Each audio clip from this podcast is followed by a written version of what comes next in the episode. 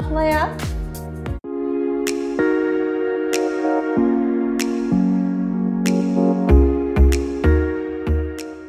Dəyərli dostlarım, salam. Hər birinizi Bizneskar kanalımızda görməyimə çox şadam. Bu günlərim sizi yeni və gənc bizneskar xanımla tanış edəcək. Gəlin xanımımızla birgə tanış olaq.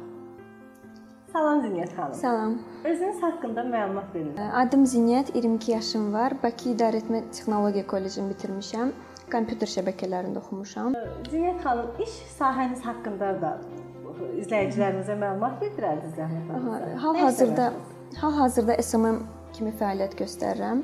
Livingcraft səhifəsinin təsisçisi və qurucusuyam və hal-hazırda Livingcraft səhifəsindən məşğul oluram. Zinət xanım, baxmayaraq ki, başqa sahə üzrə ə, e, təhsil almısınız, SMM hazırda SMM-i e, üzrə fəaliyyət göstərirsiniz və bu e, Learning-Craft səhifəsini açmaqda siz ə, sizin məqsədiniz nə oldu? Necə qərara gəldiniz ki, belə bir səhifə açım? Bizə, bizə bu haqqda biraz danışardınız. Kiçik yaşlarımdan çəkirəm. Kiçik yaşlarımdan bəri çəkirəm. Bizdə elə bil ki, rəssamlıq irsi olaraq keçib anamdan. Yəni Uje karantin vaxtı düşün qərara gəldim ki, bəs bir dənə kiçik bir biznes açmağa qərar verdim və Livingcraft səhifəsini yaratdım. Neçə manatla bu biznesi yaratdınız? Həmin dövr üçün əlimdə vəsaitim olmadığı üçün anamdan dəstək aldım, hər zamanki kimi. Anam da sağ olsun, yəni dəstəyini əsirgəmədi məndən. Həm maddi, həm mənəvi dəstək oldu. Və 140, 120-140 manatla başladım. Bunun kötüyü, kətanı, e, yəni bağlamaları, stikeri hamısını almaq üçün. İlk sifarişiniz e, necə oldu?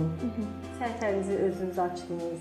Biraz bu haqqında məlumat verərsiniz. İlk səhifəmi özüm açdım. Bəli, ilk sifarişim BMW e, loqosu oldu, amma ödənişsiz oldu, yəni e, administratorumuz üçün hazırlamışdım. Ondan sonra artıq kötü üzərində başladım. 7 manatla başladım. 7 manata satdım.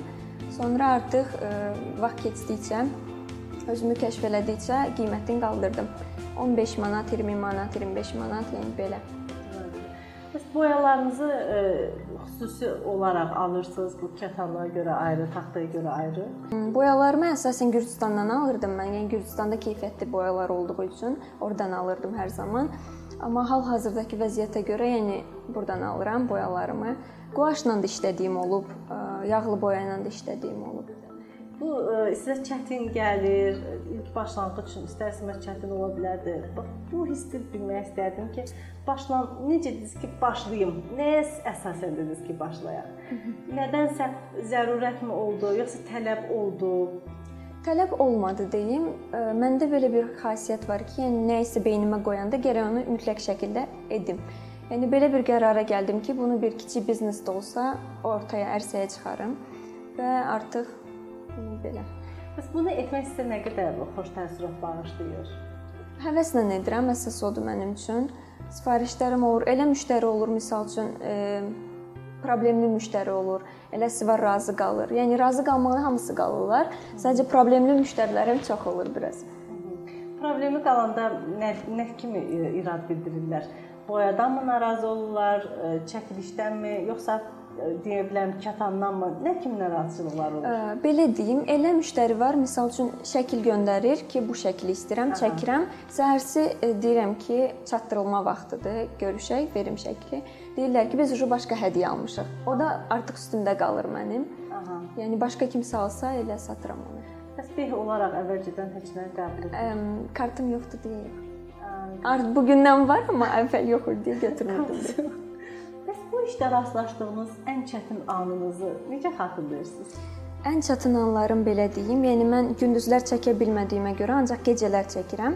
O da məlum məsələdir ki, yəni gecə saat 5-ə, e, səhər 5-ə kimi çəkdiyimə görə artıq yuxusuz qalıram və elə olub ki, məsəl üçün sifarişi 10-da 11-də çatdırmalıyamsa, artıq yatıb qalıram və oyanıram ki, saat 1-dir.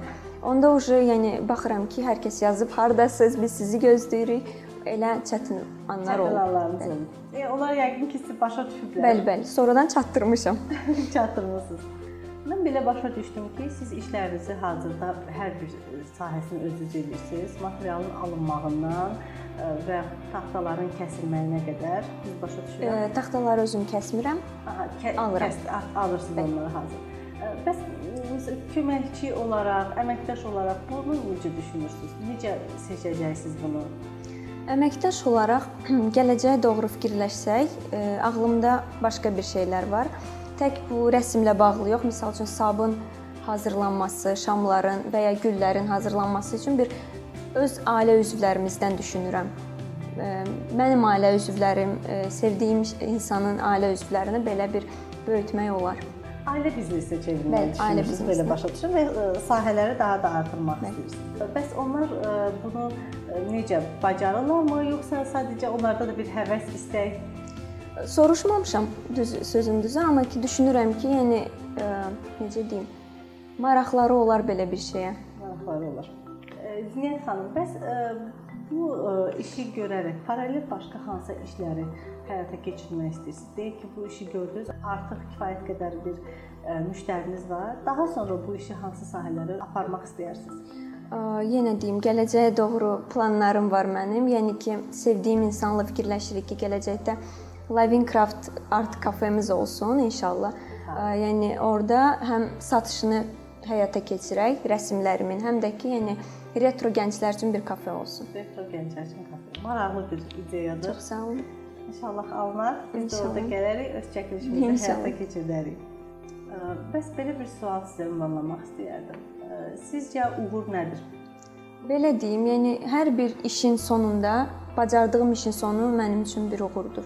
Bəs siz özünüzü şanslı hesab edirsinizmi? Çox. Nədə görürsünüz bu şansınızı? Nədə görürəm şansımı? Nədən nəyə əsasən deyirsiniz şanslıyam? Birincisi oxatan bürcülərinin hə, bədənlərində xalı olur, xoşbəxtlik xalı. Ona görə fikirləşmişəm okay, yəni. Hə, deyilənə görə oxatan bürcülərinin ə, bədənlərində xoşbəxtlik xalı olur. Yəni məndə də var o. Aha. Həm ona görə, həm bacarıqlarıma görə, həm istedadıma görə, həm düşünürəm ki, yəni bir insan əgər içində paxıllılıq yoxdursa, o bir xoşbəxt insandır artıq. Hər kəsin yaxşılığını istəyən, yəni içərisində pislik olmayan insan, xoşbəxt bir insandır məncə. Zeyn xanım, mən bildiyim qədərindən siz solaxaysınız. Rəsmlərinizin çəkməyində bu sizə narahatçılıq yaratmır ki? Əslində uşaqlıqdan bəri mən solaxayam, yəni sol əllə hə, iş görürəm. Rəsmlərim, yazım, yazım düzdür bərbad olsa da, rəsmlərim gözəldir. Yəni bütün işlərimi solla görürəm. Bir dənə kompüterin mışqasını sağla tutaram, tutmaram. Belə hər bir şeyi sol əllə. Sol əllə, bəli. Rahat. Rahatdır.